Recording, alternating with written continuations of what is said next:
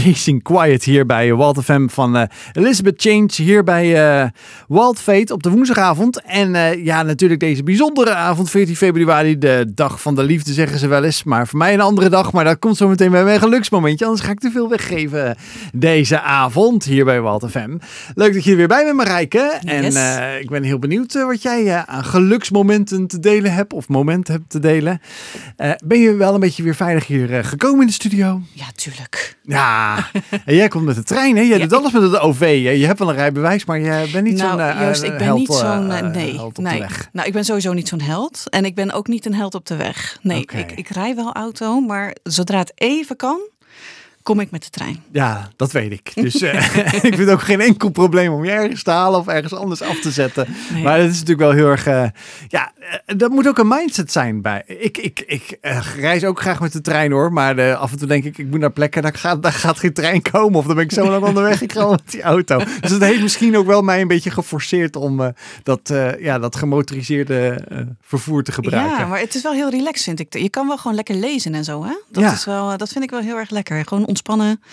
Ik ben eh, zelf niet, eh, ja, nou ja, goed. Dat, eh, je pakt af en toe gewoon even je laptopje erbij, kan je wat werken. Ja, dat mis ik nog wel eens als ik bijvoorbeeld naar België moet rijden en 2,5 uur in de auto zit. En dan kan ik eigenlijk alleen maar een beetje muziek luisteren en een beetje bellen en een podcastje. En Dan, dan kan ik niet die laptop pakken en lekker doorwerken. Juist. Maar goed, dat terzijde. Leuk dat je weer erbij bent vanavond. Wij hebben natuurlijk op de Dag van de Liefde. Misschien denk je wel aan, hey, vorige week eh, heb ik met Marije nog meegedaan aan eh, dat leuke kwartetspel. Oh nee, dat leuke Geen kaart. dat leuke, eh, leuke spel, of nee, dat leuke vragenspel wat zij heeft beschikbaar had gesteld. Nou ja, eh, ik heb helaas al eh, dat eh, moeten stoppen natuurlijk, die actie. Dus ik hoop allicht dat je hebt meegedaan. En anders ga je gewoon naar de Klare Liefdestaal, haar website. En dan kan je alsnog dat, dat De spel... Intimiet box de was het. Intimiet box kan je dan gewoon daar ook bestellen.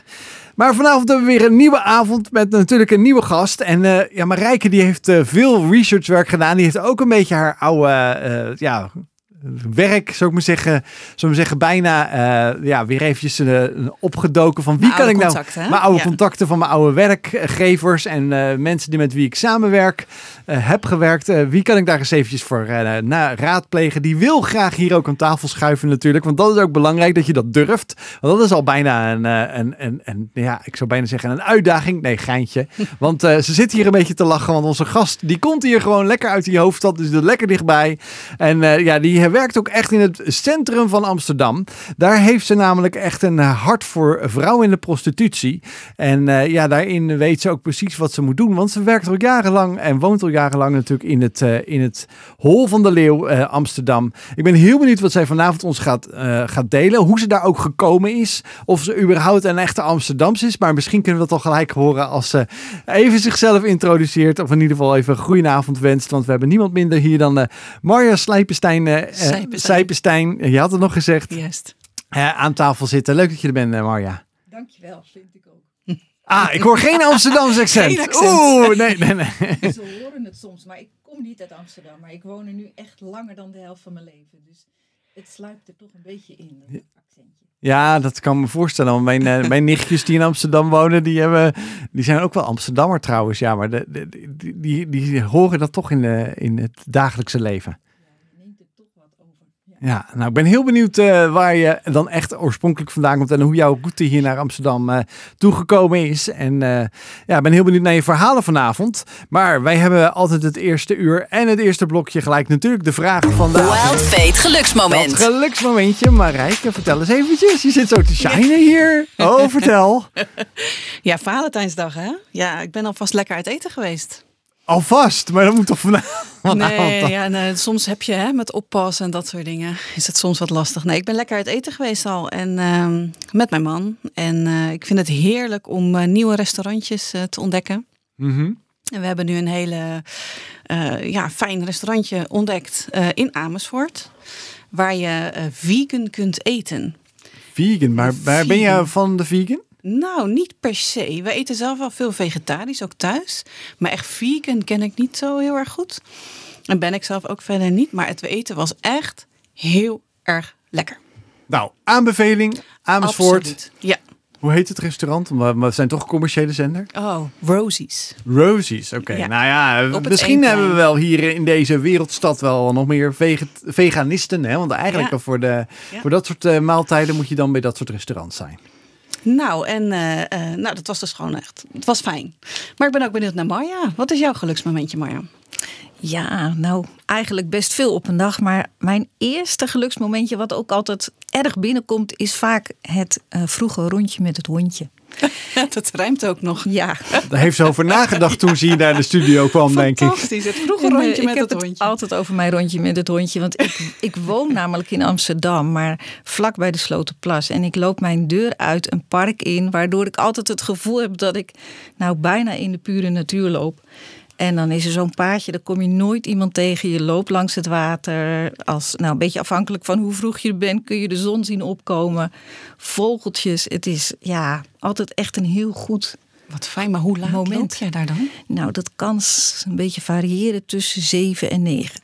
Het varieert tussen 7 en Als ik 9. naar kantoor moet, dichter bij 7. Dat begrijp je. Dat is een ruime, ruime tijdsbestek, ja. Ja, ons, onze hond is gelukkig flexibel. Oh, Nou, gelukkig. fantastisch. Nou, en Joost? Ja, ik heb eh, een feestje vandaag natuurlijk, want 14 februari is Valentijnsdag. Ha, ha, ha. Nee, dat is de verjaardag van mijn, eh, van mijn partner. Dus, Oh, eh, gefeliciteerd. Ja, ja, dank je.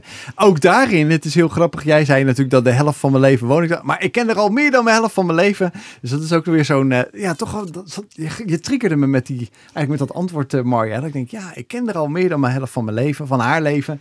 Dus eh, ja, het was feest en... Jij hebt dat etentje gisteren al, of in ieder geval eh, Ja, vorige week. ja, Ja, vorige ja, week ja. gehad met, eh, met jou, Bram. Ja. En ik heb dat etentje morgen. Oh, Want ik moet vanavond gezellig. werken. Ja, vanavond. Dus ja, dan Nou houdt het op. Morgen. Hey Joost, wat is nou het allerleukste cadeau wat je aan je partner hebt gegeven? Weet je dat nog? Ooit op haar verjaardag? ik gooi het er maar gewoon zo in. Eh, heel eerlijk gezegd, allermooiste. Ja, ze, ze houdt gewoon heel erg van sieraden. Dus ik heb echt, ik heb echt wel eh, wat nodige sieraden de afgelopen jaren, eh, decennia geslijt, eh, gesleten. En dan houdt ze eigenlijk ook wel.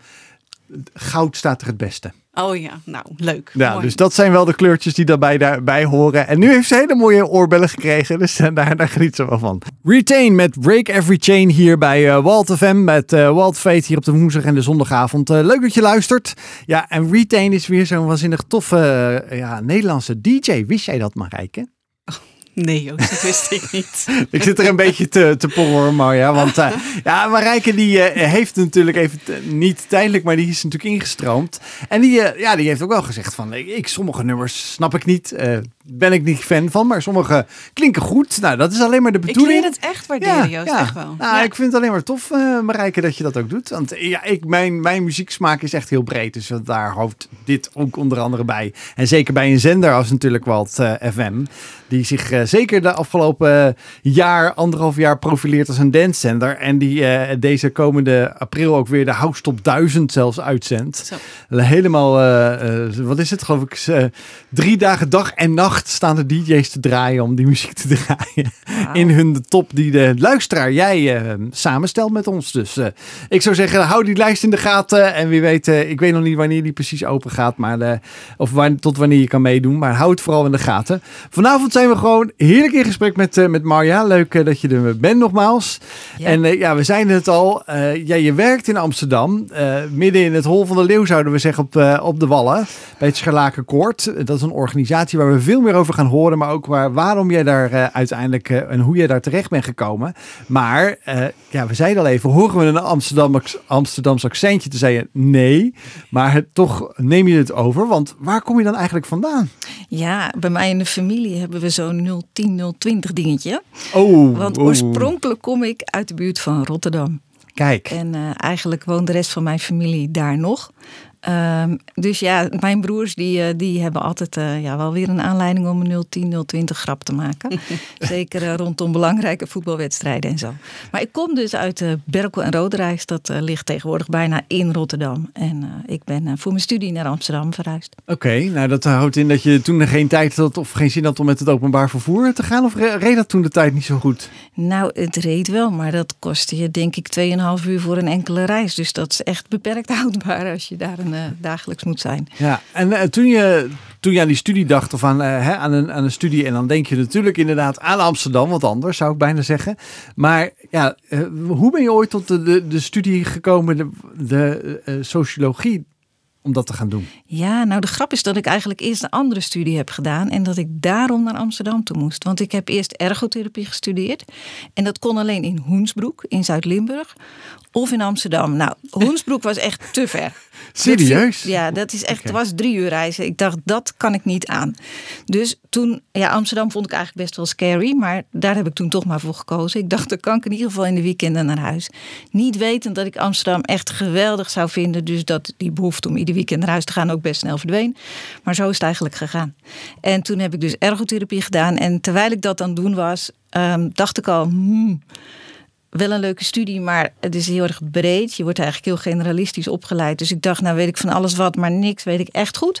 Dus daarna ben ik direct toen sociologie gaan studeren. Wat bij mij in de oren ook best als een hele brede studie klinkt. Ja, maar het is net iets meer één vakgebied, namelijk eigenlijk over het gedrag en de interactie tussen mensen. Dus dat was in ieder geval iets meer focus. En het was een wetenschappelijke studie, dus het daagde me iets meer uit dan de opleiding daarvoor. Het is dus wel allebei met mensen. Ben je wel echt een mensenmens? Hou je van mensen om je heen? Ja, ik ben wel echt een mensenmens. Ik kan trouwens ook supergoed alleen zijn, maar ik, als ik tussen mensen zit, dan uh, kan ik ook echt daar helemaal in opgaan en uh, daar eindeloos van genieten. Ja. Op zich ook wel handig in een grote stad, hè? Ja. Mensen om je heen. Zeker weten. Zeker in Amsterdam. Hoeveel mensen wonen er in Amsterdam eigenlijk, zit ik nu te denken? Nou, volgens mij iets rond een miljoen ongeveer. Ja, ja oh. volgens mij is het 010, 020. Dat is ook een beetje een, eh, een, een, dingetje. Want dat is, je ziet, uh, Rotterdam wordt ook wel gezegd, dat is het nieuwe Manhattan van Nederland. Zo, doe maar. Ja, uh, wonen aan het water van de... In de, in de, binnenstad van Rotterdam. Oh, Ja, ik kan een beetje zeggen, ja, ik, ik ken die, die, uh, nou ja, die, die fetus niet helemaal. Maar mijn broer woont ook in Amsterdam. Dus ja, dat is ook 020. Ik heb zelf in Rotterdam gestudeerd.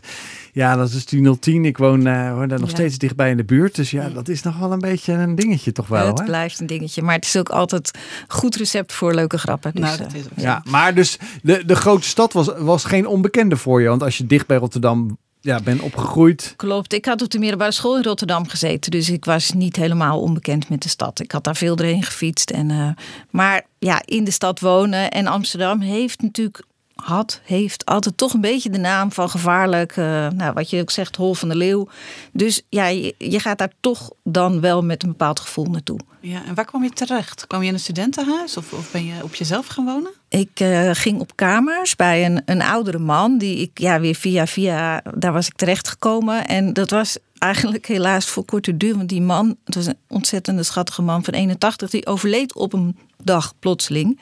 Uh, waarop ik mijn kamer ook weer kwijtraakte. Dus dat uh, was uh, voor de eerste maanden was het goed. En toen moest ik hals over kop weer bij iemand anders tijdelijk in een soort bezemkast slapen. En nou ja, zo gaat het als je naar de grote stad gaat. Ja. ja. Hey, en, en, en nu woon je denk ik niet meer in een bezemkast? Nee, ik zou ook niet zeggen in een kast van een huis, maar nu woon ik wel in een echt huis. Uh, met een tuintje zelfs. En uh, ja, wij hebben ontzettend geluk gehad met ons huis. Ik kijk ook op de Slotenplas. Dus ik heb oh, eigenlijk het voordeel van ja. groen en de stad. Ja. Dus, ja, je bent zo in de binnenstad, denk ik, of niet? Ja, ik fiets altijd naar kantoor en uh, ja, een half uur ben je overal. Ja, hey, en met wie woon jij in, in het huis? Ik woon in dat huis dus met mijn hondje, zoals ik net al vertelde. Maar natuurlijk met... Ja, we houden me wel in. Het rondje, het rondje, het rondje, rondje met het hondje voor elke dag.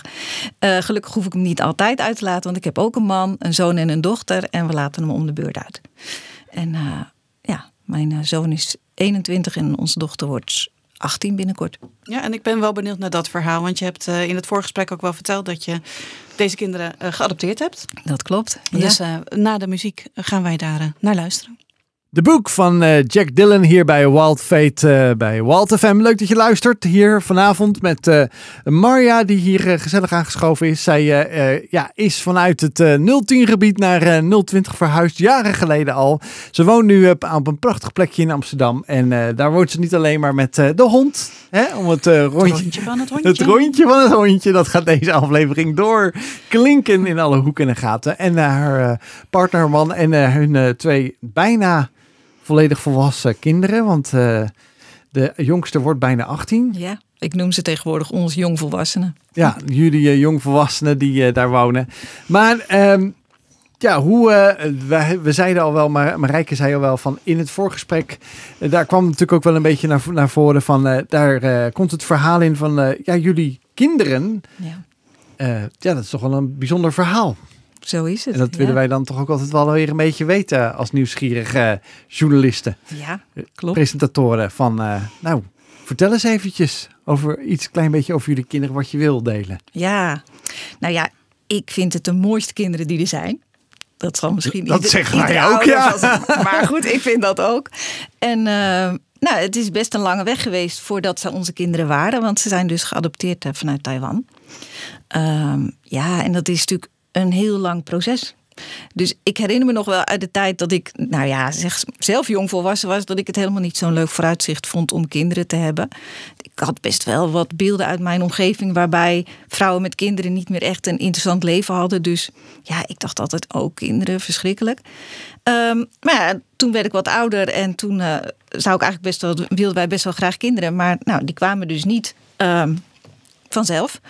En ehm, nou, dat, eh, dat vond, toen vond ik dat toch eigenlijk best wel heel erg een gemis. Eh, en daar hebben we samen heel veel over nagedacht. Van, eh, is, hoe belangrijk is dat? Maar we wilden toch eigenlijk heel graag voor kinderen zorgen. En toen zijn we gaan nadenken over adoptie. Nou, dat is in Nederland natuurlijk allemaal best wel heel erg ja, goed geregeld, zou je kunnen zeggen. Dus dan moet je een cursus volgen. Dat je goed weet waar je aan begint. En dat je over alles goed nadenkt voordat je het echt in gang zet. Ehm, nou, en, en wij dachten dat we het eigenlijk wel heel mooi zouden vinden om dan twee of meer kinderen op te vangen in ons gezin, die dan broertje en zusje of zusjes, broertjes waren. En ehm, ik herinner mij nog heel goed dat eh, je krijgt dan ook een onderzoek van de Raad van de Kinderbescherming. Die komen dan een paar keer bij je thuis, eh, ernstig met je praten en eh, over je motivatie en hoe je in elkaar zit. Zodat als ze denken, nou, ze kunnen het niet aan, dan krijg je geen toestemming. Ehm, en wij kregen wel toestemmingen, maar die vrouw die zei wel van nou, als je twee kinderen uit het tegelijk wil adopteren, wil ik wel dat je daar eh, wel dingen over leest. En als je dan nog steeds zegt dat je het wilt, mag je het tegen mij zeggen en dan ga ik besluiten of ik vind dat dat kan.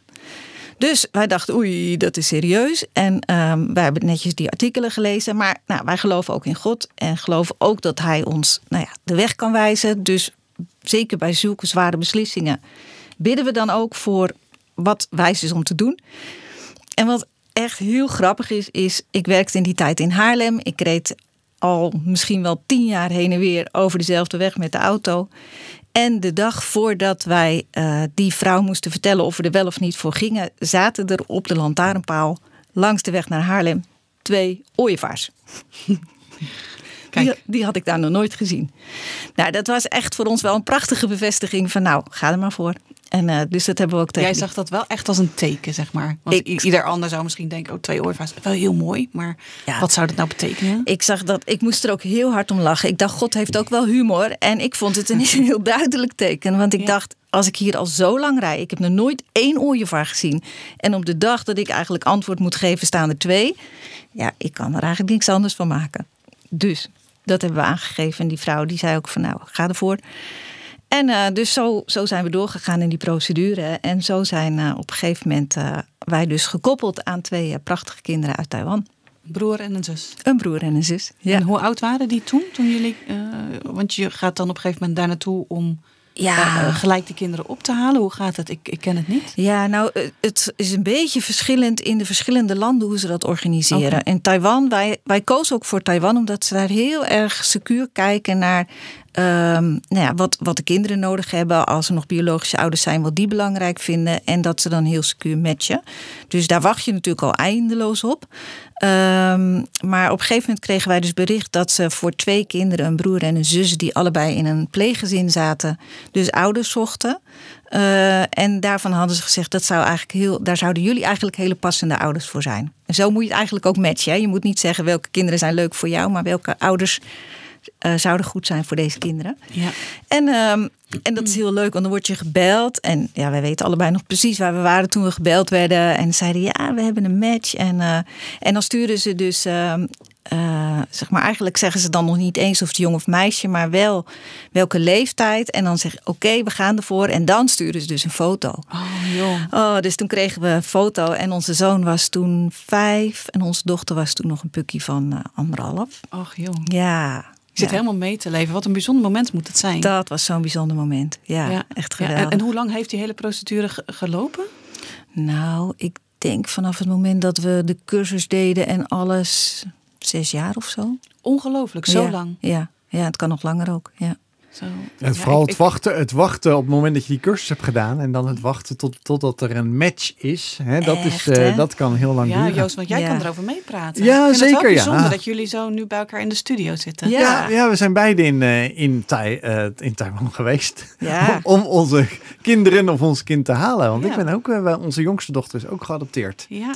Ja. Ja. En daar hebben we ook lang over nagedacht. En dat is ook lang. En dat is echt een proces waar je mee bezig bent. Ja. We hadden het gevoel, ons gezin is nog niet compleet. Maar we, hebben, ja, we willen daar ook gewoon ruimte geven. En dat is ook best wel eens dat je daar, ja, ja, dat je daar stil bij staat. Dat je denkt van ja, eh, ben je dan opeens zo'n wereldverbeteraar? Nee, want het is gewoon, het zit in je hart. Ja. En ik denk wel dat het samen met jou en je, en je, en je man.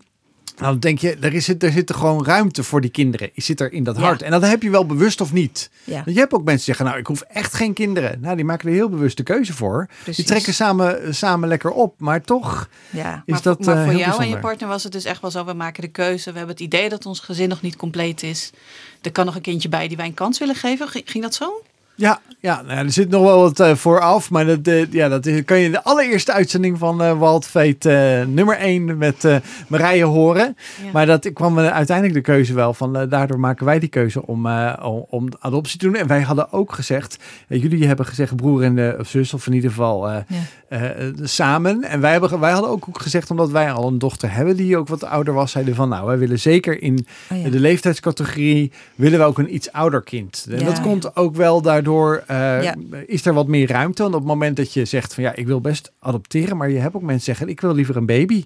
Dus Ja. dan een kindje van, eh, eh, ja, van heel jong, echt een paar maanden, soms of een paar weken zelfs, Ja. is ook mogelijk dat daar een match komt. Eh, ja, en in deze tijd, eh, dat wij, wij zaten op dat, eh, op dat grensvlak, dat er ook wordt gezegd, ja, je weet niet hoe een kindje kan zijn. Dus ben je ook bijvoorbeeld, men, wil je ook, een- zou je ook een gehandicapt kindje, dus een kindje bijvoorbeeld wat een Ja. hand mist of een paar vingers mist of ja, bijvoorbeeld iets mee aan de hand is, zou je daar ook voor willen zorgen. Ja. Dat wordt ook Ja. bijvoorbeeld gevraagd. Maar ik weet ook nog het leuke, Marja, wat jij ook zegt, exact het moment wanneer ik gebeld werd. Ja? Ik was aan het werk en ik stond bij, een, bij een klus ergens in Gorkum. En ja, ik belde ook mijn, mijn, mijn vrouw om. Ik zeg, we zijn ouder geworden. Ja. Ik ga even zitten. Ja, Ja, maar hoe dan en wat dan en waar dan? Ik zeg, ja, dan krijgen we, zo, dan krijgen we vanavond of morgen op de mail. of via de e-mail krijgen we een, een bijzonder, foto eh, Ja. toegestuurd. Ja, ik beelde mijn man en toen hebben we, hij was aan het werk, ik was aan het werk en toen hebben we, zijn we samen achter onze laptop, of hij op zijn werk, ik achter en toen hebben we tegelijk de foto's geopend. Want we waren niet bij elkaar, maar toch ook weer wel. Ja. Nou, dus daar eh, komen hele mooie momenten van. En het is heel leuk om op zo'n ja, bijzondere dag als vandaag ook eh, zo met elkaar deze match te hebben. Eh, om daarover te praten. Ah, hier hebben we Free G met de Tremolo hier bij Wild FM bij eh Wild Fate hier op de woensdagavond. Leuk dat je luistert. De allerbeste gospel draaien we hier eh, die we eh, kunnen vinden, maar ook gewoon die uitkomt. Want eh, ook daarin blijven die ontwikkelingen niet stilstaan. En eh, ja, laten we je dat graag hier horen op de woensdagavond. Eh, samen zit ik hier met... Marijke Willems. En vanavond hebben wij eh, Marja te gast. En eh, ja, zij werkt als een, een halve Amsterdammer, zou ik bijna zeggen. Een nultiener, lekker in Amsterdam. Ze woont in Amsterdam. Eh, zij werkt bij het Scharlaken Koord. Dat is een organisatie die op de Wallen werkt. Daar zijn we natuurlijk straks heel erg benieuwd naar hoe je daar bent gekomen. Maar we waren eigenlijk nog eventjes eh, voor de muziek eh, met elkaar over, in, over onze kinderen in gesprek. En het bijzondere in de plek van, ja, die jij en je man hebben voor kinderen in jullie hart. Als je het niet zelf kan krijgen, dat je dan toch die stap neemt om ja, te adopteren. Dat hebben wij ook gedaan. Beide uit Taiwan. Dat was Ja. natuurlijk gelijk hier eh, eh, nou, een feest van herkenning. Schep Ja, de band. fantastisch. Ja, schept een band. En dan hadden we net met de muziek, tijdens de muziek erover, dat het ja, best wel heftig is als je natuurlijk denkt, ik ben, eh, ik kan wel, eh, ik heb wel mijn eigen kinderen, biologische kinderen. Dat we ook soms situaties zien van kinderen die schrijnend zijn, dat er ouders zijn die het eigenlijk niet goed kunnen. Dat wij zeiden, de cursus die wij vooraf deze adoptie hebben gehad, dat had, dat had bijna elke ouder moeten krijgen. Want dan word je wat meer bewuster van, ja, dat het eh, niet alleen maar eh, ja, mooi is en allemaal prachtig en dat je op een roze wolk leeft, maar uiteindelijk ook een beetje van die wolk afvalt. Nou, gewoon realistischer misschien. Ja, en eh, nou, het is niet helemaal afvallen, maar inderdaad, het realistischer is het beeld.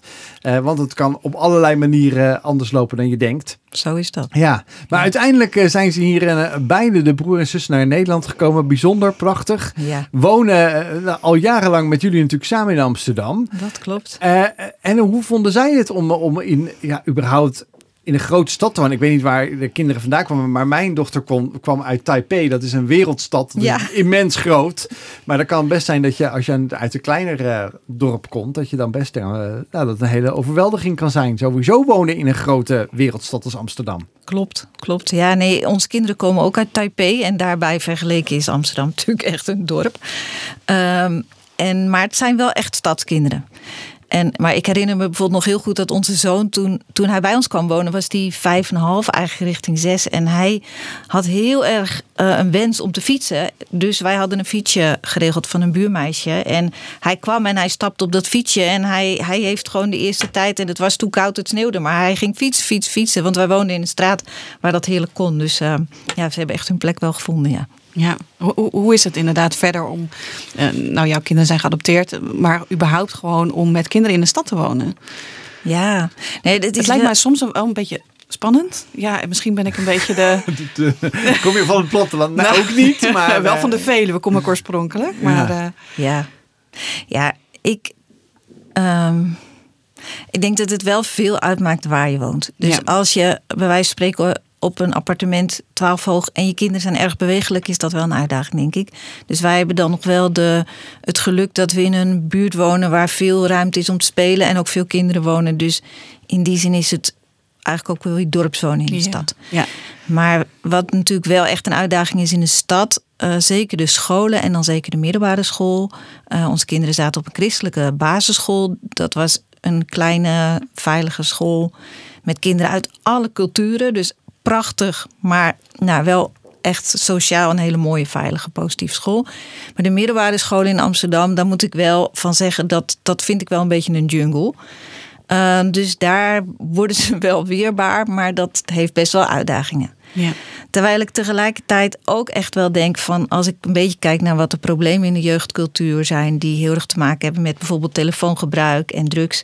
Daarvan denk ik dat het eerlijk gezegd overal hetzelfde is en niet alleen in Amsterdam. Dat maakt niet uit of je in een grote stad woont of uh, ergens nee. anders. Nee. Dus en, dat, uh, en hoezo denk je van niet?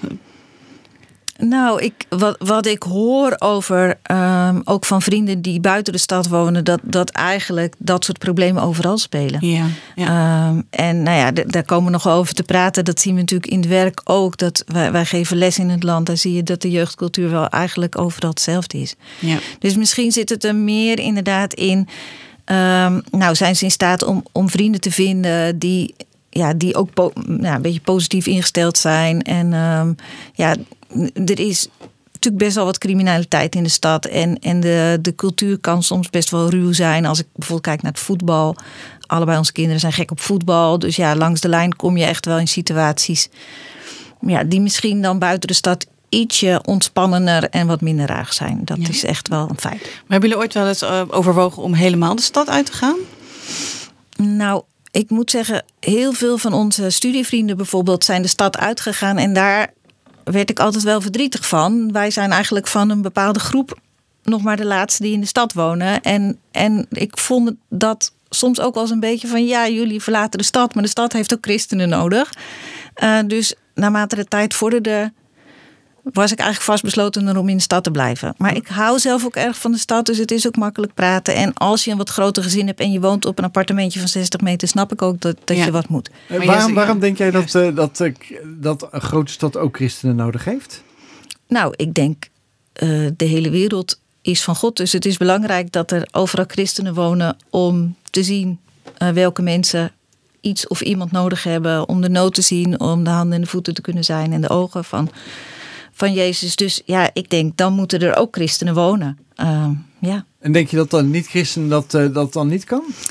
Niet-christenen doen dat ook. Dat is zeker waar. Maar um, ja, er is gewoon ook heel veel nood in de stad. Um, en zeker als het gaat over um, ja, mensen die, die nadenken over de zin van het leven. En um, voor wie het christelijk geloof bijvoorbeeld onbekend is, uh, is het natuurlijk ook belangrijk dat ze in contact komen met christenen, zodat ze daarover kunnen nadenken. Ja, ja. En, en zijn jullie bijvoorbeeld ook lid van een, een, een kerk of een, een, een Ja. gemeente, hoe je dat ook noemt? Ja, klopt. En uh, ja, en dat vind ik heel belangrijk. Dat is dus ook wel voor de kinderen bijvoorbeeld belangrijk dat ze daar eh, andere kinderen, jongeren ontmoeten die, die ook geloven. Ehm, en het is voor jezelf ook, ook belangrijk om andere christenen, omdat je dan nou ja, ook met elkaar kunt delen. Hm. Dus ja, ik denk. Een bewuste keus van jullie in elk geval om, om hier te blijven wonen. Dat, dat proef ik eruit. Ja, zeker. Ja, ja. Hey, en eh, ik wil even teruggrijpen op, ehm, eh, op jouw studie, want je hebt sociologie eh, gestudeerd. Ja. Ehm, eh, een mensenstudie. ja. En wat, wat ben je daarna? Je bent niet gelijk bij Schelijk Akkoord gekomen. Wat heb je een beetje daartussen gedaan? Ja, dat is grappig. Nou, ik, ik had dus eerst een opleiding gedaan als ergotherapeut. Dus zo was ik in de ouderenzorg terechtgekomen. Uh, terwijl ik daar werkte, uh, deed ik die studie. Eigenlijk zou je kunnen zeggen voor de hobby. Um, en op het laatst moest ik natuurlijk nog een scriptie schrijven. En dat was eigenlijk het moeizaamste stuk. Had een beetje te maken met... Voor iedereen uh, wel Ja, altijd wel. Hè? Ja. ja. Nou, het had ook een beetje te maken met de interactie met mijn begeleider. Maar in ieder geval, ik heb daar lang over gedaan. En toen, in de tussentijd, uh, moesten we eigenlijk een soort verhuizen. Toen kwamen we op een woning terecht op, op de Wallen. Um, en toen moest ik mijn scriptie schrijven en heb ik eindeloos uit het raam gekeken. En aan de overkant van de gracht stonden daar de vrouwen achter de ramen. Uh, en terwijl ik dus zat te piekeren over mijn scriptie, dacht ik ook over die vrouwen: waarom sta je daar? Sta je nou daar omdat je dat wil? Um, zo ja, hoe kun je het leuk vinden dat daar mannen je uitschelden? Stond een oud mannetje heel vaak uren tegen de lantaarnpaal te kijken, te kijken, te kijken. Dat ik al de neiging had om hem weg te gaan sturen. Ja, hele nare situaties. Dus dat bleef mij enorm bij van waarom doen deze vrouwen dit werk als ze alternatieven hebben, zouden ze er dan ook voor kiezen. Maar goed, toen werkte ik in de ouderenzorg. Ik dacht, ja, ik heb helemaal niks te bieden voor deze vrouwen. Maar ze zijn wel gewoon echt toen voor goed in mijn hart, zeg maar, gaan wonen. En um, ja. nou, toen zijn wij wel later weer wegverhuisd van de Wallen naar, naar Amsterdam-West. En um, ik ben binnen de ouderenzorg toen in managementfuncties gaan werken. En uh, nou, inmiddels denk ik ook alweer acht jaar geleden of zo... zei mijn man dus op een late avond ineens van... Uh, niet dat ik aan het solliciteren was, zei hij: Hey, ik zie hier jouw nieuwe baan. Uh, en toen zocht Gelakenkoord een manager. Toen dacht ik, nou, dat kan ik natuurlijk wel proberen. Hij zag jou helemaal in dat profiel wat daar. Uh... Hij wist dat die vrouwen wel gewoon uit mijn hart mee verhuisd waren. En, uh, of in mijn hart mee verhuisd waren. En dus toen heb ik de overstap gemaakt van de zorg naar dit hele specifieke werk. Equippers Revolution met Everything I Need mooie dans, uh, dansnummer, uh, Joost. Je hebt wel een mooi lijstje van vanavond uh, uitgekozen, vind ik. Ja, ik vind het ook altijd. het, het past ook altijd wel een beetje weer mooi in elkaar, zonder dat je daar weet van hebt. Dus dat is alleen maar leuk. Ja, maar hoe, hoe kies jij de muziek? Ja, ik ben altijd de, toch ook vandaag aan het struinen op de, uh, ja, op de speciale websites ervoor. En uh, je hebt daar best wel wat mogelijkheden die, uh, die nieuwe muziek lanceren. En ik heb ondertussen de nodige contacten met gospelartiesten, gospel DJ's, die dan zeggen: Ik heb weer een nieuw nummer. Dus misschien moeten we binnenkort weer eens een zo'n DJ gewoon even inbellen. Dat zou wel leuk zijn. Ja, dat gaan, we eens even doen. Ja, leuk. Marja, wat voor muziek luister jij normaliter? Nou, ik luister niet eens zo heel veel muziek, maar um, dan is het denk ik wel worship en uh, klassiek. Ja. Ja. Okay. De Messiah ben ik helemaal wous van. Als ik later dement ben, dan mogen ze me de hele dag met een uh, koptelefoon met de Messiah aan in een hoek zetten, denk ik. Nou, ja. dat staat genoteerd nou, bij deze. Check. Ja. Hey, we praten met jou uh, in, in vanavond over, over jou wie jij bent. Ja. Um, het werk wat jij doet. Um, uh, je gezin hebben we het over gehad. En uh, net voor de, voor de muziek hadden we het over uh, jou, ja, de, de vrouwen waar jij tegenaan keek. Ja. je zat aan je scriptie te werken, wat, wat lang duurde. Ja. Dus je had ook heel veel tijd om naar buiten te kijken. Klopt. Um, en dat je toen al dus al heel veel vragen had van... hé, hey, waarom staan die vrouwen daar? Wat doen die vrouwen daar? Um, uh, en dat je man op een gegeven moment, uh, nou een aantal jaar later denk ik. Ja, wel 15 jaar later. Juist, ja. al die jaren later, dat je man zei: Ik heb nu een vacature gezien. Dat is voor jou. Ja. En dat was bij Schalakenkoord. Klopt. Je hebt gebeld. Ja. Brief, Hoe ging het verder? Brief geschreven, ik ging daar praten. Ik was ook wel benieuwd naar van wat voor organisaties zijn zij, hoe doen ze dit werk. Want je kende het niet van. Ik kende het wel, maar um, ja, dat, ik vind het toch ook wel belangrijk om, om te weten wat voor soort mensen er werken, met wat voor soort houding. Ehm, ja, ook wel een beetje hoe ze naar de wereld keken. Want ik dacht, ja, de Amsterdamse Wallen, dat is wel de Amsterdamse Wallen. Maar volgens mij is de prostitutiewereld nog veel groter en ook heel verborgen. Dus hoe kijken ze daarnaar? Dus daar wil je natuurlijk toch gewoon, ja, je wilt mensen ontmoeten. En, uh, maar het waren hele goede gesprekken. Dus ik ben daar terecht gekomen, ja. Op de functie manager? Ja, klopt. Dus jij moest echt uh, de boel gaan uh, leiden? Ja. Ja, je had geen ervaring in, uh, uh, in ja, hoe zeg ik dat? In, geen ervaring, dat klinkt zo stom. In de prostitutiewereld had je geen ervaring met dit werk. Nee, dat was nog wel de grap. Toen ik dus had gesolliciteerd en was aangenomen, maakte mijn man op een dag grap op een verjaardag om te vertellen. maar je gaat de prostitutie in. Oh, ja, inderdaad. Wat ik vervolgens weer op mijn werk vertelde. En dat werd natuurlijk weer de, de grap van ja. het bedrijf. Maar, um, nou ja, we maken er nou een geintje van. Inderdaad. De prostitutiehulpverlening ja. had ik geen ervaring nee, mee. Ik had ervaring met het werk als manager. En ja. uh, dat was natuurlijk ook mijn baan. En um, ja, dus uh, die wereld van, van de prostitutie en de hulpverlening in de prostitutie was nieuw voor mij. Dat ja, klopt. Ja. ja. En, en, en hoe zagen die eerste weken op jouw werk uh, eruit? Want het, het lijkt me een hele ingewikkelde wereld. Je, je noemde het zelf net al, je stipt al een beetje aan. Een hele brede wereld. Hè? Ja. Speelt veel. Het is echt niet alleen natuurlijk de wallen. Nee. Dat is wat je ziet, maar er speelt veel meer. Ja. Hoe heb jij je ingelezen, het, het kennis met alles? Ja, het gaat natuurlijk vooral uh, mensen spreken. Uh, waren gelukkig collega's die het werk al heel lang deden. Dus die konden natuurlijk heel veel vertellen over nou ja, vrouwen waar ze mee gewerkt hadden. Um, ja, vervolgens is het altijd heel erg leerzaam met dit werk om dan bijvoorbeeld zelf ook op de wallen straatwerk te doen. Uh, en dan spreek je de vrouwen, dan weet je ook gewoon natuurlijk, ja, voor deze mensen doen we het. En zo ziet hun leven eruit. En dit zijn de kwesties die spelen. Hoe, hoe moet ik dat zien trouwens, het straatwerk? Want je, ja. je gaat dan gewoon Ja. naar, naar binnen bij de vrouwen? Ja, je gaat eigenlijk. Um, ja, outreach is eigenlijk sowieso uh, heel belangrijk in ons werk, omdat vrouwen, mannen eigenlijk nooit jou opkomen zoeken. Dus je moet hun opzoeken, vertellen dat er hulp is voor ze. Uh, en op de wallen ziet dat eruit dat je langs die ramen gaat, dat je, nou ja, glimlacht. Um, soms doen ze het raam open, soms niet.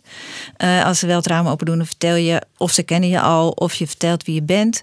Uh, en wat je voor ze kunt betekenen, hoe het met ze gaat. nou, en um, meestal zijn vrouwen, hebben ze tijd nodig om je te gaan vertrouwen. Dus op het eerste, in een eerste contact zeggen ze dan vaak, nou, alles gaat goed. En uh, heel enkele keer zegt iemand meteen, oh nee, ik heb uh, nou, probleem zus of zo, of bent helemaal zat.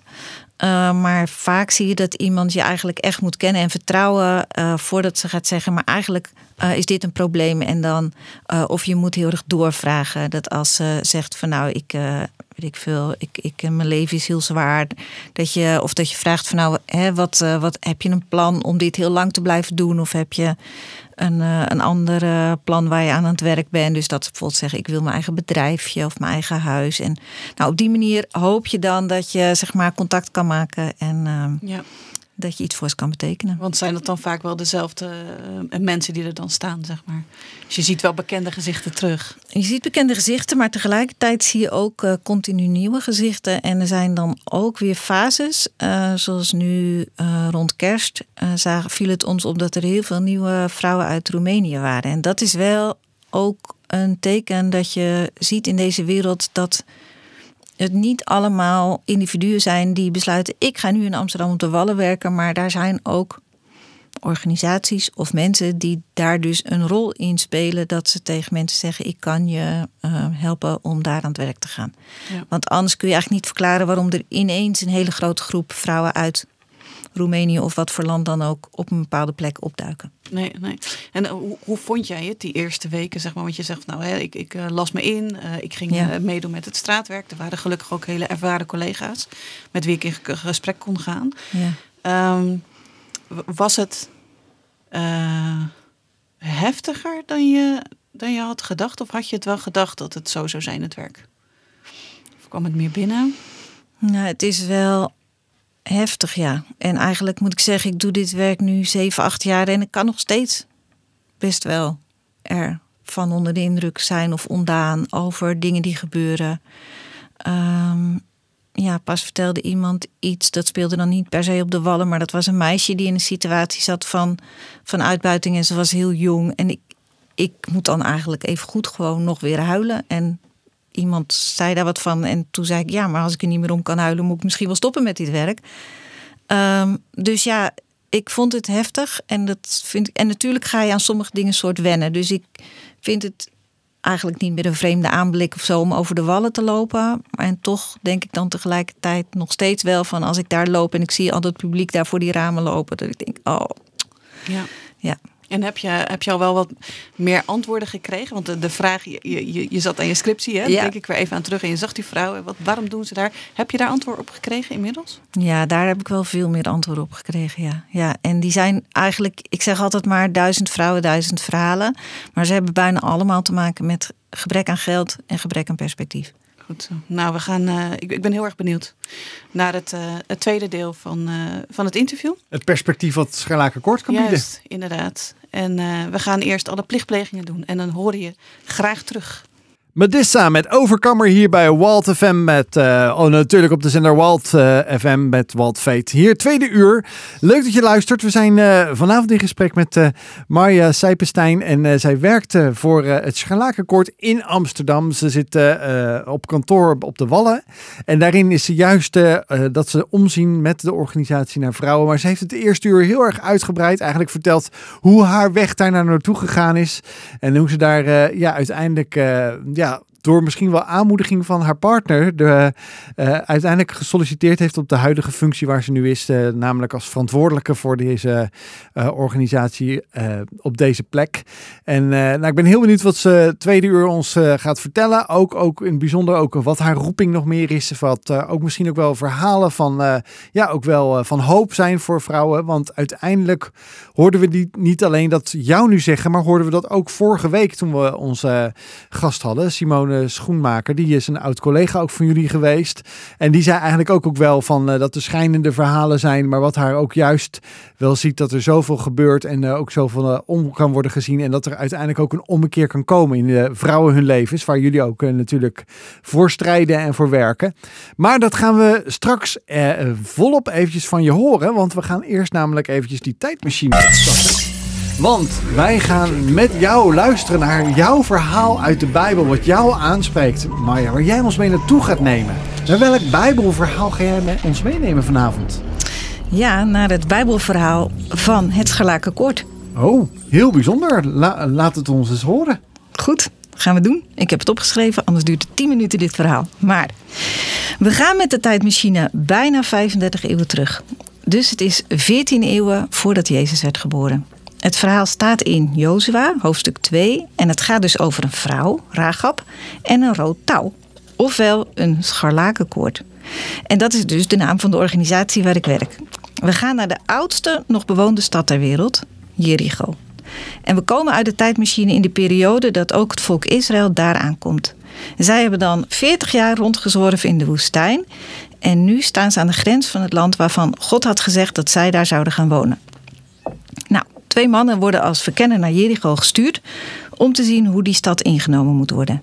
En als we even met ze meelopen, dan zien we eigenlijk een onneembare vesting met dubbele muren, meters dik en wel 14 meter hoog. Er is maar één poort. Tussen die binnen- en die buitenmuur zijn ook woningen. En daar woont Ragab. Die verkenners komen bij haar terecht, want ze heeft waarschijnlijk een herberg en ze is prostituee. Ze woont en werkt dus min of meer buiten de gemeenschap. En dan moet je dus wel echt heel sterk en zelfredzaam zijn. En uit het verhaal blijkt ook dat Ragab veel lef heeft. Ze is mondig en ze kan echt liegen alsof het gedrukt staat. Die verkenners die zijn namelijk gesignaleerd en de koning van Jericho die stuurt soldaten naar Ragab en die zeggen: breng de mannen naar buiten die in je huis zijn, want ze zijn gekomen om het hele land te verkennen. Maar zij had die twee mannen verborgen en zegt: er zijn inderdaad mannen bij mij geweest, maar ik weet niet waar ze vandaan kwamen. Ze zijn vertrokken vlak voordat het donker werd en de poort zou worden gesloten. Ik heb geen idee waar ze naartoe zijn gegaan. Ga ze snel achterna, dan haalt u ze nog in. Ze trappen erin en ze gaan buiten de stad verder zoeken. Je vraagt je af waar ze de lef vandaan haalden voor deze levensgevaarlijke actie. Rahab zegt tegen de verkenners: Ik weet dat de Heer dit land aan jullie heeft gegeven. Wij zijn doodsbang voor jullie. En dan vertelt ze wat ze heeft gehoord, wat er met andere volken is gebeurd. Jullie God heeft de macht over de hemel en de aarde. Zweer me daarom nu alsjeblieft bij de Heer dat jullie goed zullen zijn voor mij en voor mijn familie, omdat ik ook goed ben geweest voor jullie. En die mannen zeggen: Wij zullen ons houden aan onze belofte. Je mag niemand iets over ons plannen vertellen. En als ons leger de stad aanvalt, dan moet je hele familie bij jou in huis zijn. Je moet dit rode touw vastbinden aan dit raam. Nou, Ragab laat dan die twee mannen midden in de nacht ontsnappen met hulp van dat rode scharlaken koord aan haar raam aan de buitenkant van de stadsmuur. En dat koord dat bleef daar hangen tot de dag dat Jericho in handen viel van Israël. En zo bleven eerst die verkenners en later Ragab met haar hele familie in leven dankzij dat scharlaken koord. En dat rode touw is ook een, zou je kunnen zeggen, rode draad die verder door de Bijbel en de tijd loopt. Dit is echt een rode draad van hoop. Want het gaf toen redding aan mensen in dit verhaal. Maar rood is ook de kleur van bloed. En dat verwijst dus naar Jezus, die zijn leven gaf voor ons. Zonder dat wij daar iets voor terug hoeven te doen. Hij deed het gewoon helemaal voor ons. En dat zie je ook mooi terug in dit verhaal, net als in heel veel Bijbelverhalen. Die Israëlische spionnen die hebben dan wel deze dappere verkenning van Jericho gedaan, maar uiteindelijk werd die stad niet ingenomen door een briljante militaire actie. Nee, God liet die muren gewoon instorten.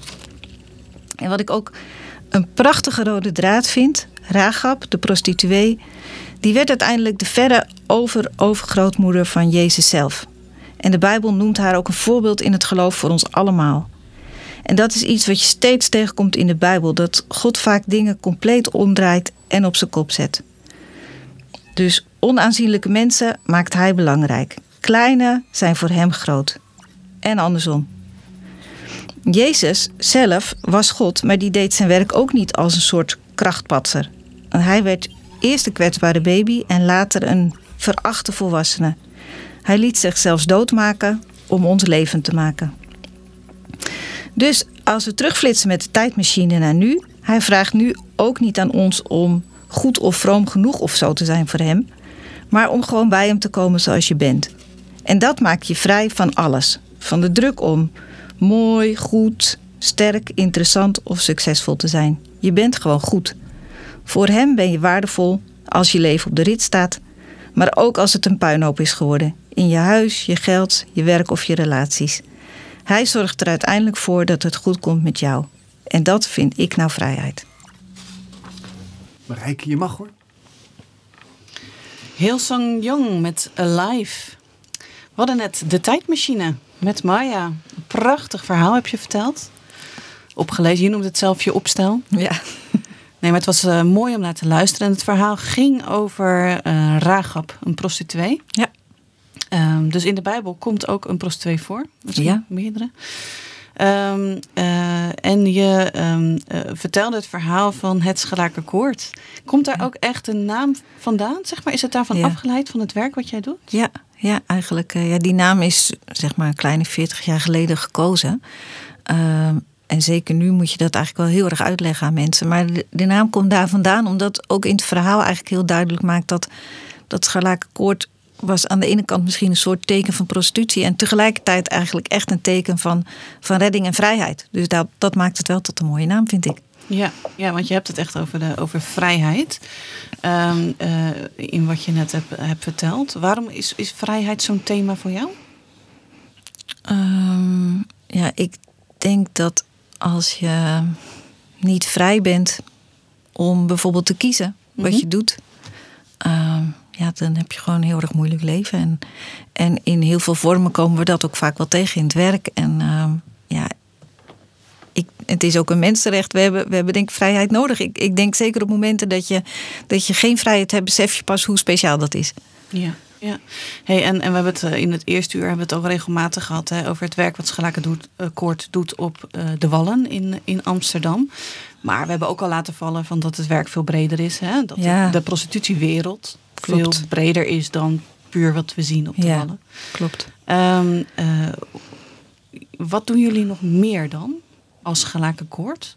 Ja, um, nou wij willen er eigenlijk zijn voor alle mensen in de prostitutie in Nederland. Uh, omdat ze weten dat ze er niet alleen voor staan.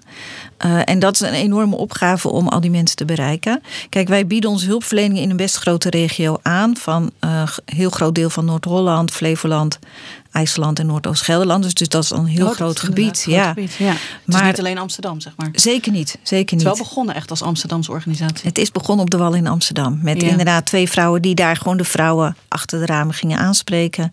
Ze leerden kennen, ontdekten wat ja, de problemen waren ze, waar ze mee worstelden. En daar is een hulpverleningsaanbod op ontstaan. Eh, maar vervolgens eh, ontdekten ze ook dat daar best, zeker toen, nog best veel jonge Hollandse meiden stonden die echt slachtoffer van een pooier waren. Zeg maar de jaren negentig. En toen zeiden ze, ja, voor deze meisjes zijn we te laat. Die hadden hier helemaal niet willen en moeten staan. En toen is preventietak begonnen. Dus die, die twee grote takken hebben we eigenlijk nog steeds. Een preventietak.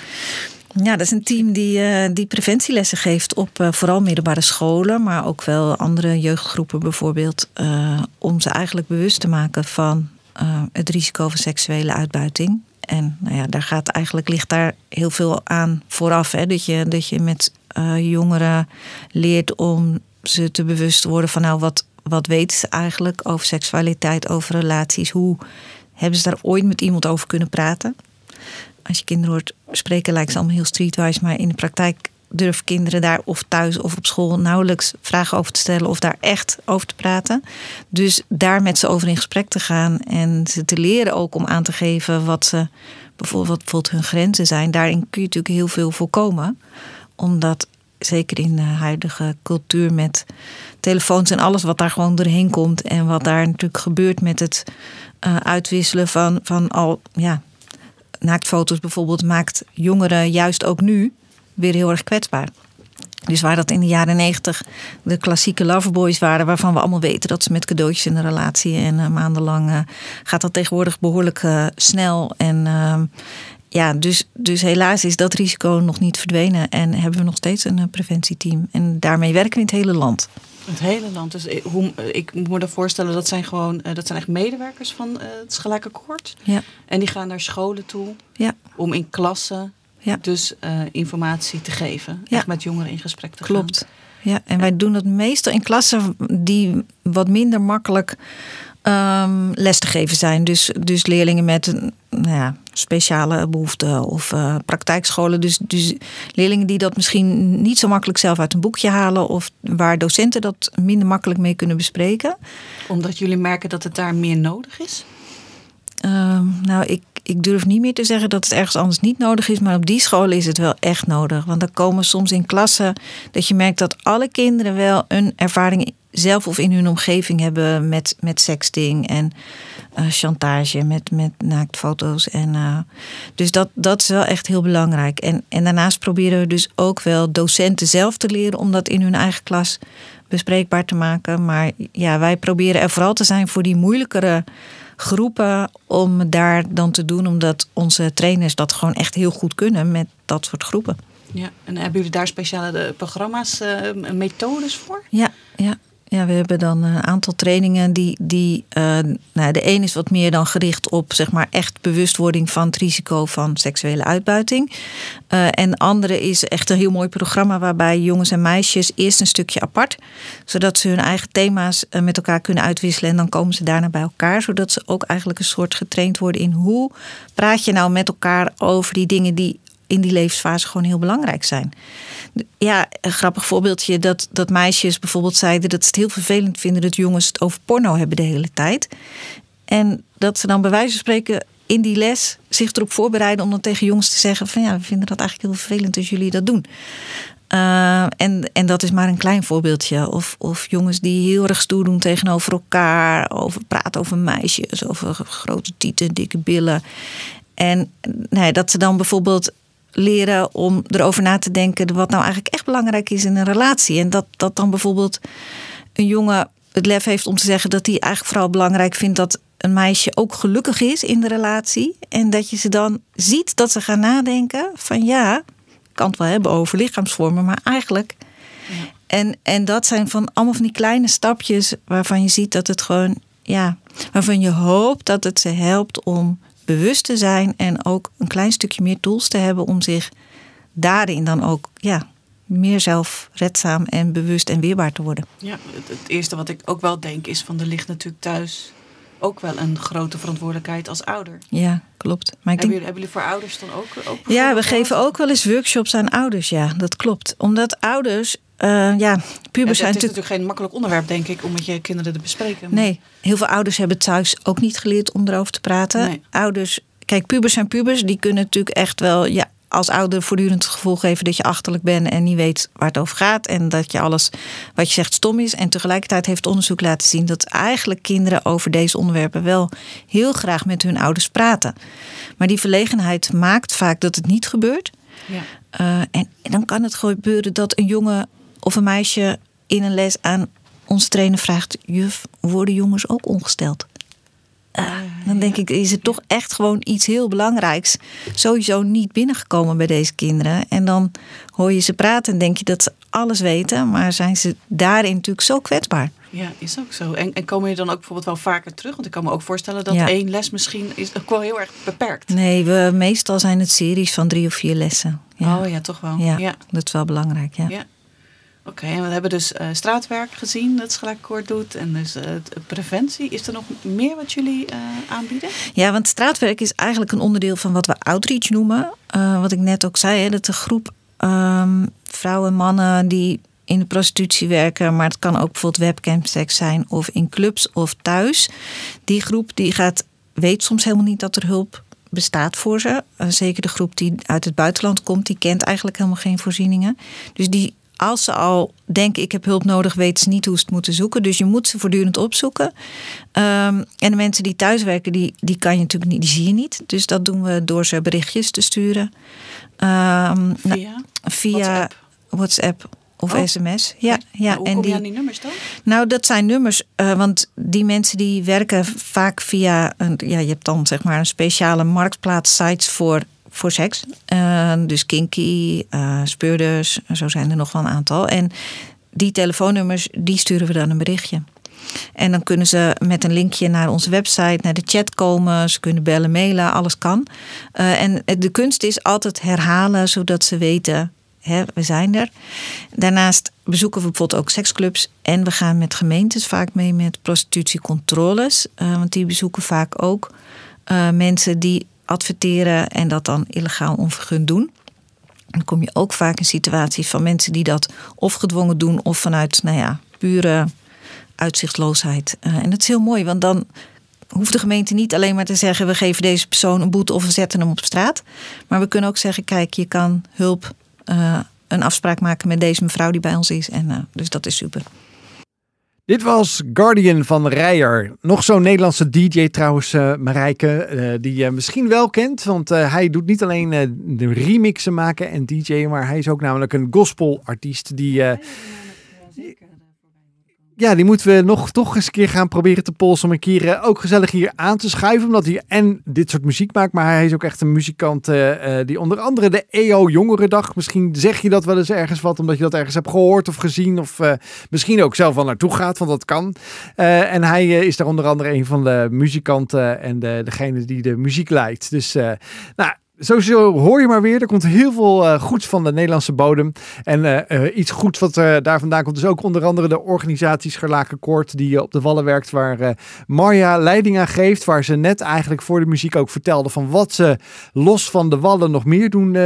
niet alleen daar in Amsterdam, maar ook zelfs in het land. Door onder andere ook preventielessen te geven aan scholen, middelbare scholen. Door heel het land heen zelfs. ja, verschillende manieren hebben om in contact te komen met... Uh, eigenlijk met mensenhandel, uh, met mensen die in de mensenhandel terecht zijn gekomen, vrouwen. Uh, denk ik ook, maar zijn daar ook mannen in trouwens of niet? Zeker. Ja. ja, dus mannen en vrouwen. Maar dat jullie dat ook digitaal doen, dat jullie daar ook goed vertegenwoordigd zijn. Misschien ook wel een beetje door de corona, maar allicht dat we daar nog eventjes over spreken. Maar in ieder geval dat jullie tal van dingen ook doen. En zelfs ook met uh, uh, overheden samenwerken om uh, met hun mee te gaan. controles mee uitvoeren. Kortom, ja. echt een heel groot pakket wat jullie allemaal doen. Dat doe je niet alleen, neem, neem ik aan.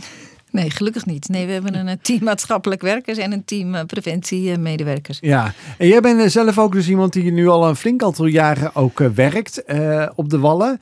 Um, ik neem aan als manager niet alleen achter een bureau, maar ook ja, zullen we zeggen, op de straat mee opgaat. Zeker, ja, ik uh, zit helemaal niet zo heel veel achter mijn bureau. Uh, nee, ik ben, ik ben ook vaak bij mensen, nou ja, met mensen in gesprek. Uh, we hebben bijvoorbeeld ook nog een winkel waar wij werkervaringen aanbieden voor mensen die uit prostitutie stappen.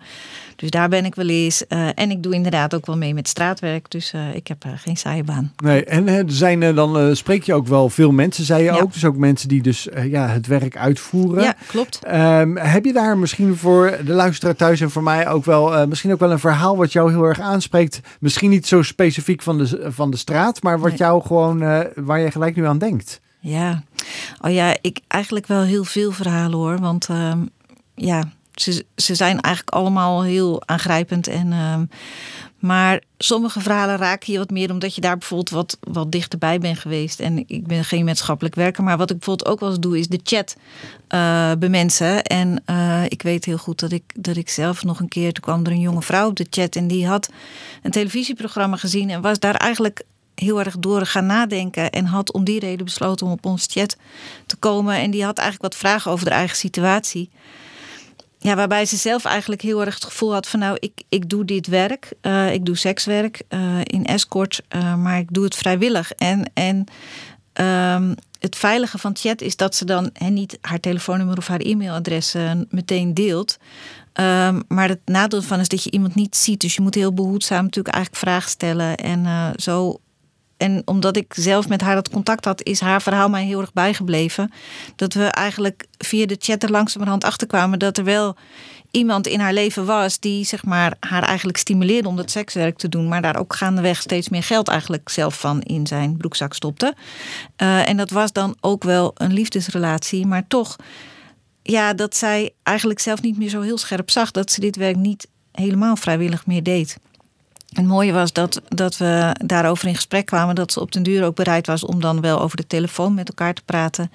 En na verloop van tijd ook met de maatschappelijk werker gewoon echt ging praten. En uiteindelijk ervoor heeft gekozen om te zeggen: Ik wil het eigenlijk. Ik wil ermee stoppen. En uh, nou, in de hulpverlening kijk je soms eerst naar of er praktische dingen nodig zijn, omdat vrouwen dit werk soms doen uit financiële nood.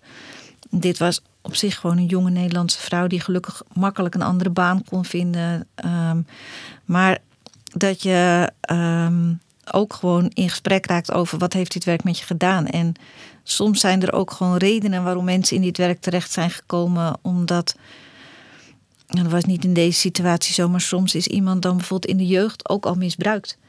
Uh, en uh, heeft dan iemand gezegd: Nou, als dat toch met je gebeurt, kun je er net zo goed geld voor vragen. Of uh, zo zijn er heel vaak routes die, uh, ja, dat er eerst al iets anders misgaat in het leven en dan komen ze in dat werk terecht. En als ze er dan mee stoppen, zijn er vaak echt heel veel dingen die ja, die als het ware weer een plekje moet geven om de draad van je leven weer op te kunnen pakken. Ja, ik, ik vind het wel uh, heftig dat je ook zegt gewoon een Nederlandse vrouw. Dus dat houdt ook in dat. Heb je enige soort van percentages hoeveel? Want je zei in het begin van het programma, ja, dat is natuurlijk ja. veel uit Oost-Europa vrouwen die ja. uh, bijvoorbeeld in de, in de seksindustrie hier in Nederland zijn, of uh, zelfs uit andere landen natuurlijk. Ja. Maar heb je enig idee in Nederland hoeveel mensen noem maar even, toch gedwongen ergens ook uh, ja, dit soort dingen doen? Gewoon Nederlandse. Gewoon Nederlandse uh, vrouwen en mannen? Ja, nou. Uh, oh, je hoeft niet tot in de detail, nee, maar. De, want je kunt dat eigenlijk dus niet um, zeggen hoe groot deel um, van de mensen het vrijwillig of onvrijwillig doet, omdat dat namelijk eigenlijk geen zwart-wit kwestie is. Er zijn, okay. het voorbeeld wat ik net vertelde, iemand die misschien wel zelf gewoon kan gaan en staan waar ze wil, maar toch onder invloed is van iemand die zegt: ja, maar um, en dat ze gewoon uit, uit liefde voor die persoon, uh, of het kan ook chantage zijn. Er zijn ook vrouwen die zeggen: Ja, ze kennen mijn familie in de Dominicaanse Republiek, dus ik stop, gaat mijn zusje. Uh, of weet je, dus er zijn heel veel vormen van dwang of drang of chantage, waardoor iemand theoretisch wel de deur uit kan lopen en kan stoppen met het werk, maar toch zich niet vrij voelt om te stoppen. En uh, daarom is het heel erg moeilijk om te zeggen: zoveel is vrijwillig, zoveel is gedwongen. Ja. Um, we weten wel dat in Nederland ongeveer zo'n 40% van de mensen in de seksindustrie uit Latijns-Amerika komt. En um, nou, ook best wel een heel groot deel uit Oost-Europa. Dus ja, en ook Nederlandse mensen, maar dat is eigenlijk niet de grootste groep. Dat is eigenlijk de kleinste groep. Ja. Ja. Maar slachtoffers komen in alle categorieën voor. Dus ook Nederlandse vrouwen en mannen kunnen slachtoffer zijn. Bijvoorbeeld omdat ze gechanteerd worden met naaktfoto's, of omdat ze een relatie hebben met een pooier, of omdat ze minderjarig zijn. En of omdat ze dakloos zijn. Eh, hè, dus dat iemand zegt: je mag wel bij mij wonen, maar dan moet je dit werk doen. Duizend varianten zijn denkbaar, helaas. Ja, en hebben jullie ook wel eens over nagedacht, of misschien doen jullie dat ook wel, om het probleem bij de, eh, het begin aan te pakken, zeg maar. Niet zozeer met preventie, maar in het land. Dus bijvoorbeeld als je zegt heel veel uit Ja. Oost-Europa of Ja. Latijns-Amerika. Ja, daar zijn we eigenlijk nu heel erg mee bezig. Door eh, de online cursus die we voor Nederlandse docenten maken, ook te gaan vertalen in, Nederland, in het Engels en in het Spaans. Ehm, en we worden ook namelijk geregeld gevraagd vanuit bijvoorbeeld Roemenië, Ethiopië zelf, Chili, om eh, bijvoorbeeld de preventiematerialen beschikbaar te stellen en die te laten vertalen. Dus dat willen we eigenlijk intensiever gaan doen, omdat we nog liever willen dat vrouwen eh, niet hier naartoe komen als Ja. dat echt niet hun wens is. Ja. Juist, ja. En is, is ehm, het stoppen eh, moeilijk voor mensen als ze zeggen van nou ik wil wel stoppen, Ja. maar Ja, dat is ook wel verschillend. Hè. Er zijn vrouwen die, die stoppen gewoon en die eh, ehm, komen er nooit meer in terug. Komen soms nog eens terug om hun ervaringen te verwerken, omdat je toch vaak geconfronteerd wordt met geweld. En, eh, dus dat, dat is nog een ding. Maar de vrouwen waar wij mee werken, daar is vaak heel veel aan de hand. Dus die hebben bijvoorbeeld een te dure woning. Dus als ze een andere baan zouden vinden, eh, dan kunnen ze die woning gewoon niet betalen. Maar heel veel vrouwen waar we mee werken spreken alleen maar Spaans en geen Nederlands en Engels. Dus dan is het al moeilijk om een baan te vinden. Ehm, ja, dus dat het is vaak een, een combinatie van heel veel problemen, Juist. waardoor het een heel lang proces kan zijn. ja, En, en wat ik net al zei, soms ga je eerst beginnen met die praktische problemen, want je moet kunnen leven. Maar dan komen daarna vaak nog maanden, als niet jaren zijn, dat iemand van zijn, haar verslaving af moet, van haar trauma's af moet. Eh, dus dat kan echt maanden, jaren duren. Dit was Destiny van eh, Marco en Ingrid Rosado. Ja, hier eh, bij Wild FM hebben we natuurlijk ook Wild Fate, de allerbeste gospel dance, die we hier natuurlijk sowieso op de zender draaien. En vanavond zitten we daar gezellig mee het, rondom een gesprek. Nou, gezellig. Soms zijn er wel eens de onderwerpen die niet altijd even gezellig zijn, misschien voor de woensdagavond, maar het is wel de realiteit van vandaag de dag. En eh, ja, Wild Fate is ook van voornamelijk van waarom doe je iets? Wat is het geloof in je, in je werk? Nou, volgens mij heeft Marja daar eh, vanavond eigenlijk ook wel heel erg eh, over verteld. Over waarom ze echt geroepen is, als ik het even zo mag zeggen. Hè, dat je Ja. kan zeggen van ik voelde echt dat eh, dit uiteindelijk ook mijn plek is waar ik nu ben. Dat ik op mijn plaats ben om hier ook te werken met eh, de doelgroep eh, van, van het Scherlakenkoord. En dat Ja. je daarin ook merkt dat je ook gewoon ja, als een vis in het water bent. En dat je volgens mij het ook heerlijk vindt om te combineren. Niet alleen alleen maar achter, dat, achter die desk te zitten als manager, maar ook juist de verhalen te horen wat je net ook hebt gedeeld. Zeker, en de vrouwen te ontmoeten. Ja, Ja, ja, en nou is het vandaag ook Valentijn. En ik vroeg mij nou eigenlijk af, het is de dag van de liefde. Ja. Eh, nou ja, ik zou bijna zeggen, doen jullie daar ook nog iets voor speciaal voor de, voor de vrouwen of voor de mensen met wie jullie werken? Ja, zeker. Ja, ja want ehm, dat is eigenlijk, ik vind het heel leuk om hier te zijn. Maar anders had ik ook een heel leuk moment gehad op kantoor. Want we doen een Valentijnsactie eh, vandaag. En eh, dan gaan we met cadeautjes de wallen op en vrouwen gewoon een cadeautje geven. En ehm, dat is ook heel mooi, omdat juist mensen in de prostitutie niet zo gewend zijn om iets te krijgen. Gewoon, gewoon krijgen. Zonder dat je er iets voor terug hoeft te doen. En dat is wat liefde voor mij is. Gewoon iets geven zonder dat iemand er iets voor terug hoeft te doen. Dus Ja. Valentijnsdag is een mooie dag. Ja, we hebben vandaag ook, eh, ik vind het heel mooi dat jullie dat, dat, dat doen eh, namens de organisatie. Eh, we hebben het eigenlijk over, eh, vanavond gehad, eigenlijk over misschien ook wel juist de verkeerde kant van de liefde. Ja, En dat is eigenlijk iets natuurlijk wat eh, ja, uiteindelijk wel heel veel schade eh, oplevert voor aan, aan de ene kant ook twee, twee kanten van, het, eh, van, de, van uiteindelijk van de partijen. ja. Want vaak is dat niet zomaar eh, iets wat, wat gebeurt natuurlijk. Maar misschien is dat wel de mooie vraag ook om bijna aan het eind van deze uitzending van vanavond aan jou te vragen. Wat is jouw, nou ja, ik zou bijna zeggen, jouw droom van de echte, van echte liefde? Of wat is volgens jou echt liefde zoals het zou moeten zijn? En dat is niet alleen natuurlijk alleen maar gewoon een, een, een, een gedag zeggen, maar ook in intimiteit. Ja. Vanuit een christelijk oogpunt. Ja, ja ik denk eh, ehm, dat dat een relatie is waarin je eerlijk en open en gelijkwaardig bent en waarin je elkaar lief hebt. En dat je er ook voor kiest om elkaar lief te hebben. Uh, dat je elkaar niet nodig hebt of uitbuit. Ehm, maar dat je elkaar gewoon kunt zien zoals de ander echt is. En ja, dat je, dat je er ook voor kiest om voor die ander te doen wat die ander doet bloeien. Ehm, dus ja, daar kan je ook een uur over praten. Maar, uh. ja, en dat, en dat is natuurlijk misschien ook wel uh, voor jou natuurlijk het, uh, het, het voorbeeld ook door deze uitzending heen met je partner, waar je al Ja. heel lang samen mee bent. Ja. Dus dat zegt ook al iets over van, nou ja, jullie wederzijdse eh, relatie en, en liefde naar elkaar toe. En Klopt. zelfs zo'n groot hart hebben dat jullie je hart openstellen voor kinderen, eh, zelfs vanuit een ander land eigenlijk, omdat jullie dat, ja, die liefde zo overstroomt uit jullie hart, dat jullie dat willen delen. Ja. En dat je daar zelfs eh, ook toch ook wel ruimte mee neemt door eh, kinderen te adopteren. Eh, dat je daar zelfs nog zoveel van die, van die liefde hebt, dat je dat ook nog, nog een keer extra uitdeelt. Ook nog naar de vrouwen eh, en de mannen die ook in de prostitutie terecht zijn gekomen, in de, in de mensenhandel eh, en in je dagelijkse leven dat doet. Ja. Ja, ik denk, liefde wordt nooit minder. Dat kan zich altijd alleen maar vermenigvuldigen. En dat ervaar je ook zo? Ja, dat ervaar ik zeker zo, ja. ja. Ja, in de ontmoeting met bijvoorbeeld vrouwen in de prostitutie merk je gewoon...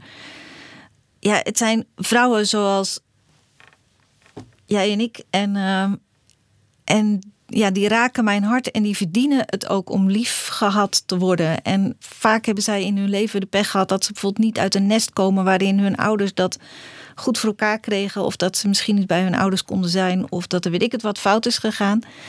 Ehm, dus waar we het over hadden, hoe belangrijk het is eigenlijk dat alle kinderen gewoon veiligheid en liefde krijgen. eh, zodat ze ook weten dat, het, dat je eigenlijk als mens er gewoon recht op hebt. Dat je gewoon gerespecteerd wordt en lief gehad en dat je kansen krijgt. En dat je daar zelf ook om mag vragen en dat je het ook mag ontvangen. Ja, zo belangrijk. Ja, mooi. En ja, we hebben natuurlijk vanavond eh eventjes al over van eh, het Scharlakenkoord doet heel veel dingen, eh, ja, eigenlijk buiten Amsterdam. Maar Ja. jij zei even terloops ook nog even, jullie hebben een winkel.